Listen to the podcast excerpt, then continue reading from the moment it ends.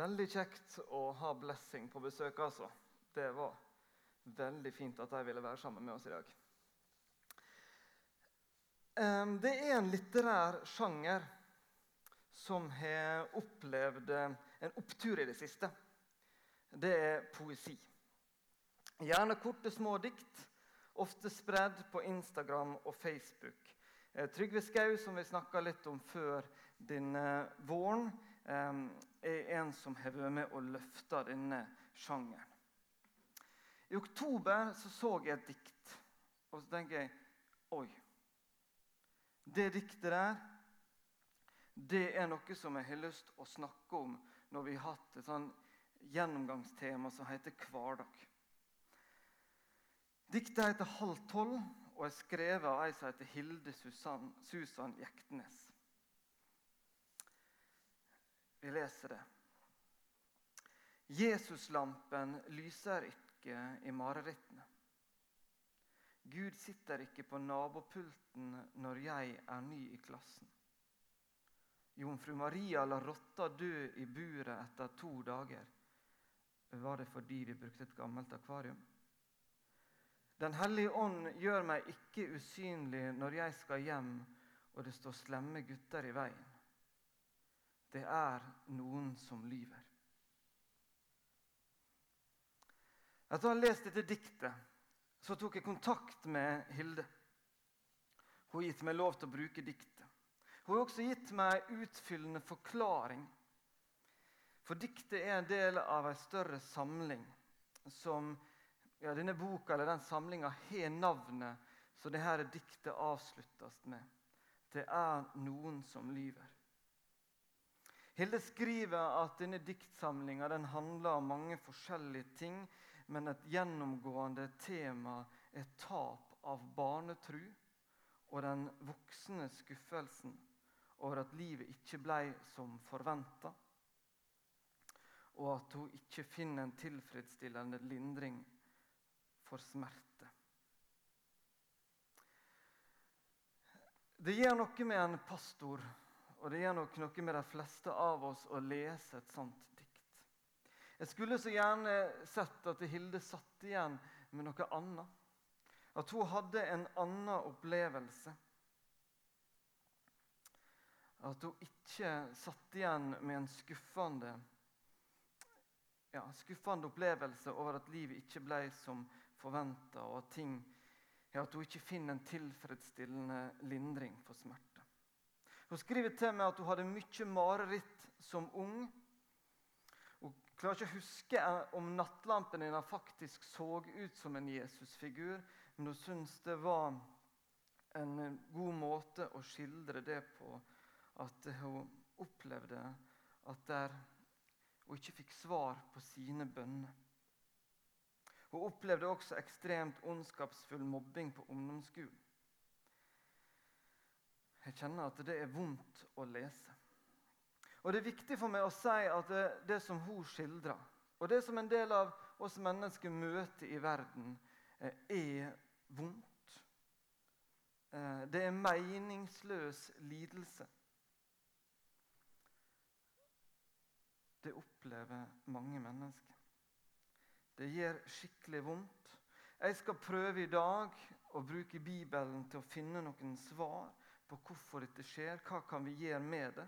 Men det er viktig for meg å si at jeg ønsker ikke å bagatellisere det vonde. Jeg kjenner på en veldig medfølelse med det som Hilde skriver. Og lidelse, det er noe veldig reelt i vår verden. Men noe av grunnen til at vi kan ta dette opp å lete i Bibelen etter noen svar er fordi at Bibelen er også veldig ærlig og realistisk. Hvis vi tar oss tid til å studere Bibelen, lese gjennom Bibelen, så vil vi se at lidelse er veldig reelt i Bibelen. Lidelse er en av de temaene som går mye igjen. Vi møter I de aller fleste bøkene i Bibelen så møter vi dette tema. Så det er faktisk nærliggende å gå til Guds ord, gå til Bibelen og se hvordan kan vi møte dette. Det står jo i diktet 'Gud sitter ikke på nabopulten når jeg er ny i klassen'. I Salme 44, 23 i Bibelen så står det 'Reis deg'. Hvorfor sover du, Gud? Mye av det samme. Hvor er Gud? Hvorfor stiller ikke han opp når jeg så inderlig gjerne ønsker at han gjør det? Vi synger sanger som sier 'ingenting umulig for Gud'. Og så sitter vi der og opplever lidelse og stiller spørsmålet 'Hvor er du, Gud?' Hvorfor kan ikke en allmektig Gud komme og hjelpe meg i den situasjonen jeg er i akkurat nå? Hvorfor skal jeg oppleve så mye vondt? Jeg tror at vi kan finne noen svar på det. Og jeg håper at det kan være med og hjelpe oss. For Gud han er allmektig. Han har skapt alt vi ser. Han kan gjøre det mest utrolige. Men samtidig så har faktisk Gud også noen begrensninger. For Gud kan ikke gjøre mot sin vilje. Gud han har valgt å skape oss mennesker med en fri vilje. Det er viktig for Gud. Vi kan av og til tenke at vi syns det var en dårlig tanke. Vi syns det var et uklokt valg. Men det spiller ingen rolle. Gud valgte å gjøre. Gud, for Gud var det villig å gi oss frivillige. Og det gikk galt ganske fort. Adam og Eva valgte å synde, valgte å gjøre mot Guds vilje. De ville sjøl være herre i livet. Og vi fikk syndefallet, og vi fikk lidelsen inn i verden.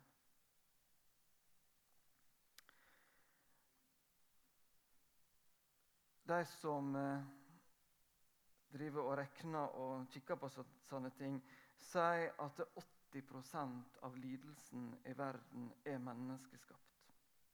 Veldig mye av den lidelsen som er i verden, handler om at vi mennesker gjør stygge ting mot hverandre.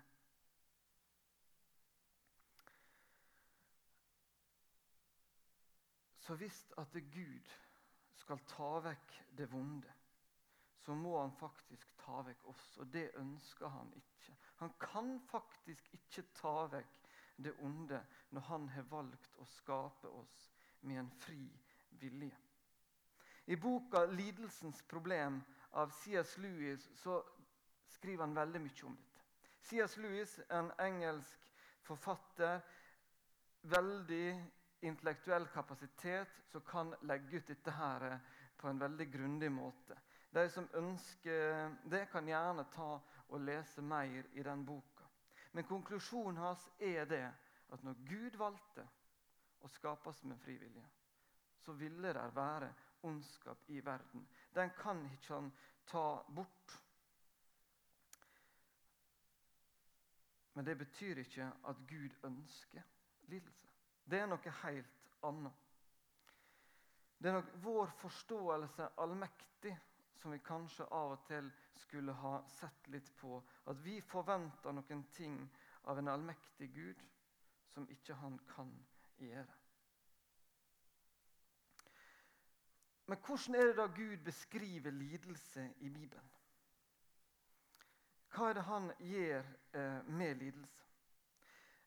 Jeg tenker at kanskje vi kristne, kanskje de som har samme jobb som meg, som pastorer og prester, at vi kanskje dysser ned dette med lidelse litt. Vi syns at vi anklager Gud hvis vi tar dette mye opp.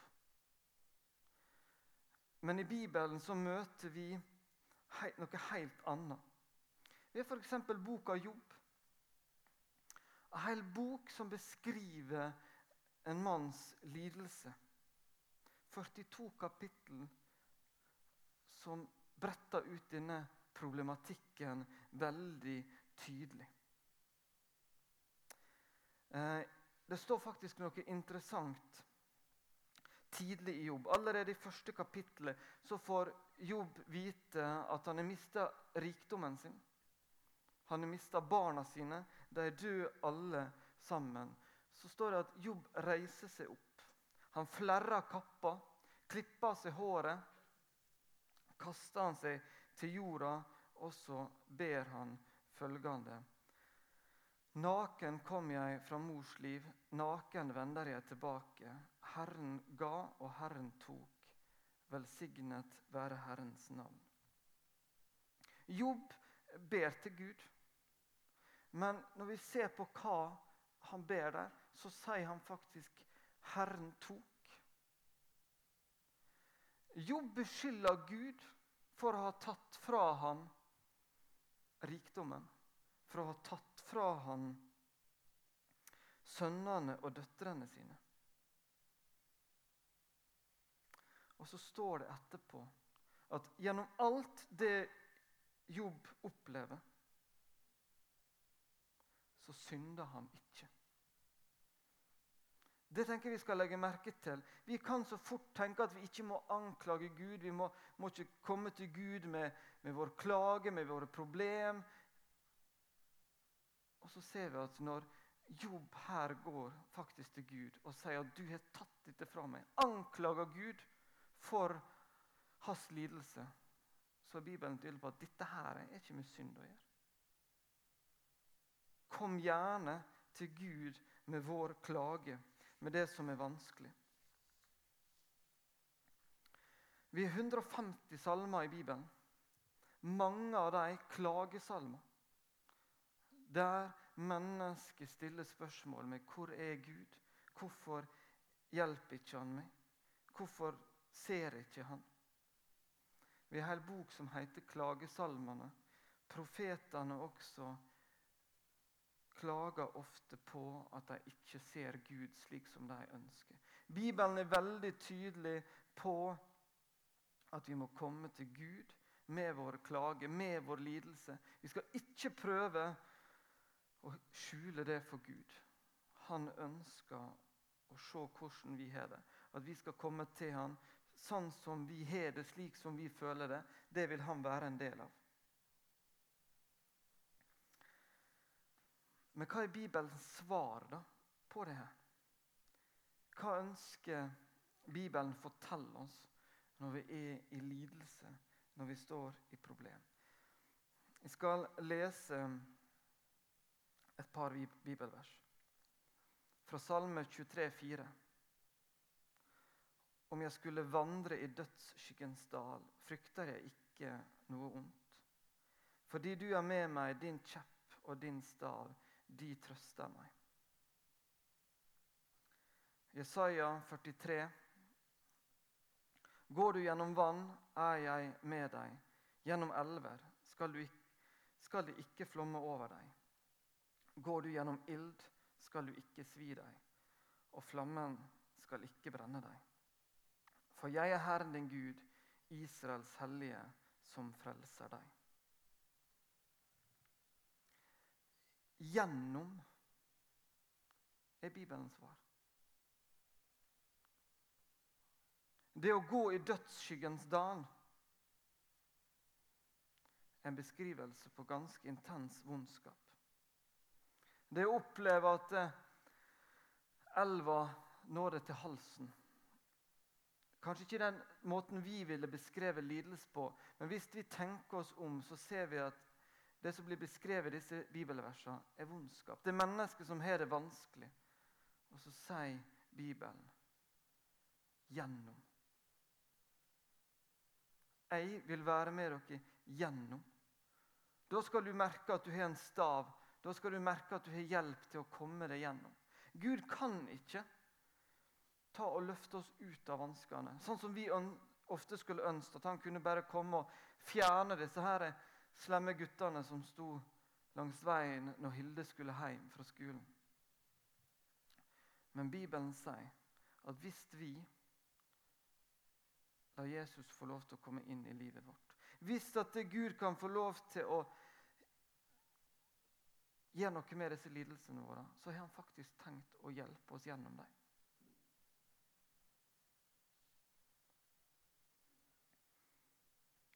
Gud ønsker å være nær oss når det stormer. Han ønsker å ta tak i det som er vanskelig. Ikke fjerne det. Ikke få oss ut av denne situasjonen, men gi oss det vi trenger til å komme gjennom det. Jesus og Guds sønn kom til verden, har tilgitt oss alt det gale vi har gjort, alt det gale vi gjør. Gud har gitt oss det aller beste vi kan få, også i menneskelig lidelse. Men han har også tenkt at vi kan, vi kan bli inspirert av det som Jesus gjorde og så kan vi få lov til å være med og skape fred i verden. At vi kan bruke hans forsoning som en inspirasjon til å forsone mennesket. Han vil at vi skal være fredssøkende. Han vil at vi mennesker skal være med på å dempe lidelse i verden. Det vil han gjøre. Og så har han lyst å være nær oss. Når vi syns at han kanskje er lengst vekke, da ønsker han å være nærest oss og så hjelpe oss gjennom disse vanskelige tidene. Timothy Keller, en amerikansk pastor, han sier at vi i Vesten har faktisk et ekstra stort problem. For han sier at alle kulturer i verden har hatt en eller annen løsning på lidelsen. En eller annen måte å gi dette mening på. Men den mangler vår materialistiske og sekulære verden. Vi tenker at vi må få fjerna alle problemer. Sorg og smerte skal liksom vekk. Vi tenker at det ikke er naturlig.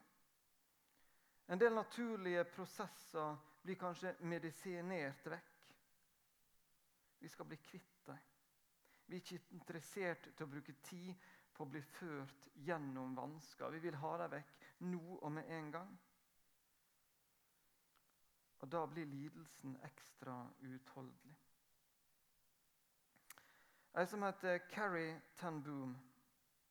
Hun satt som fange i Ravensbrück, konsentrasjonsleir under andre verdenskrig. Um, hun ble satt i denne fangeleiren fordi hun prøvde å skjule og hjelpe noen jøder. Da hun slapp ut, så, en, eh, så forteller hun historien sin til en nabo, og så sier denne naboen til henne at eh, du må ha ei sterk tru som hjalp deg gjennom dette.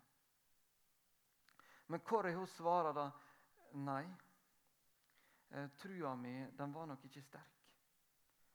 Det er mye lettere å ha ei sterk tru eh, i trygge omgivelser. Hvis det var trua mi som skulle berge meg gjennom konsentrasjonsleiren, så hadde det nok ikke gått så bra. Men det var Jesus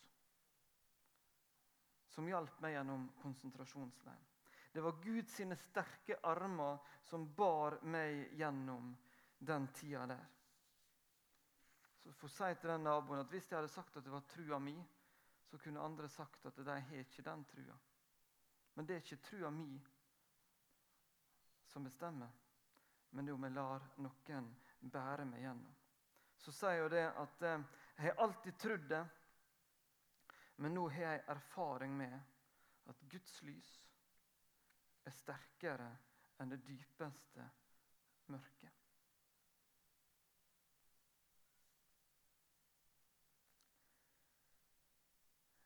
Hva gjør det med oss, da? Hvis vi lar Gud få lov til å hjelpe oss gjennom disse lidelsene og prøvelsene som vi møter. Første Peter er kanskje den boka i Nytestamentet som snakker mest om lidelse. Og Den bruker et uttrykk som kanskje i første omgang kan oppleves som litt provoserende. En snakker om å rense gjennom ild. Og sier at gull er et spesielt stoff. Mange andre stoff vil i møte med flammer bli aske. Men det skjer ikke med gull. Gull blir faktisk rensa. Det blir mer verdt. Så kan vi tenke eh, Mener Gud her å si at eh, han ønsker å utsette oss for lidelse for å da jobbe med oss, og at vi skal komme ut av dette bedre enn hva vi gikk inn i det? Da tenker jeg, da kan vi se på Jesus. Se på hvordan Jesus takla det å møte mennesker som hadde det vondt. Jesus hadde en enorm medlidenhet med mennesker han møtte på jord. Så vi kan ikke si at dette her er noe som Gud ønsker. Vi har riktignok noen tekster som, som um, sier oss at Gud kanskje setter oss på noen prøvelser av og til. Det tror jeg vi må si at Gud gjør. Men Gud ønsker ikke oss dette vonde. Men når det onde er der, så ønsker han å kunne bruke dette på en slik måte at vi kan komme ut Vi kan komme gjennom det med en sterkere tro. Med en bedre relasjon til Gud. For vi har fått lov til å oppleve og se at hans sine mektige armer de bar oss gjennom det.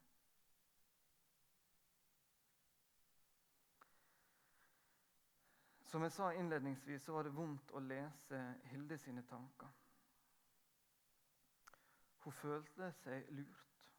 Hun føler at hun har fått noen beskrivelser av Gud som ikke stemmer med det hun har opplevd.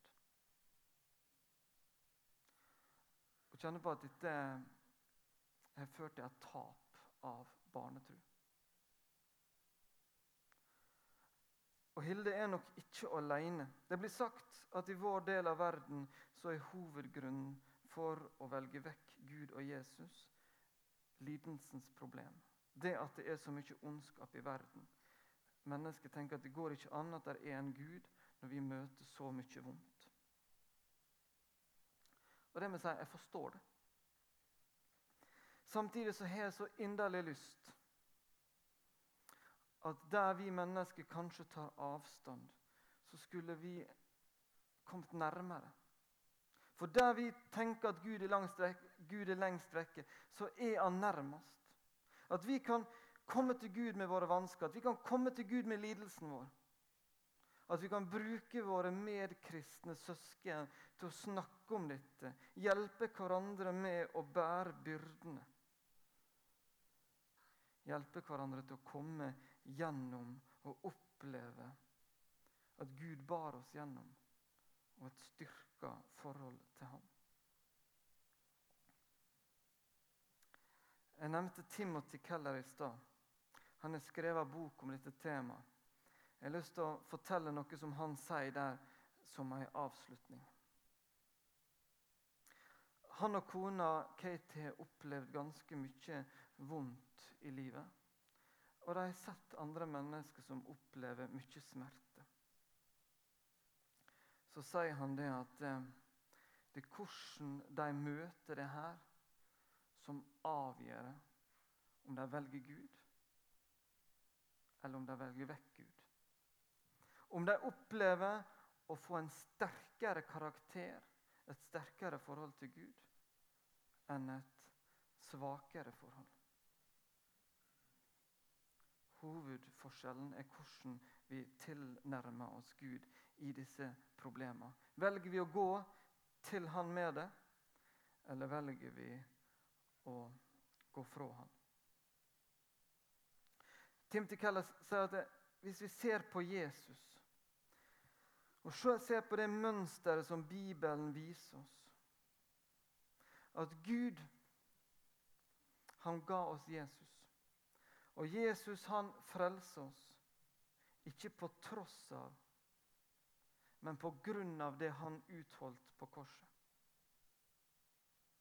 Og det ser ut som at vi mennesker opplever en merkelig, men en rik og gripende glede hvis vi søker Jesus og lar Han bære oss gjennom det vanskelige.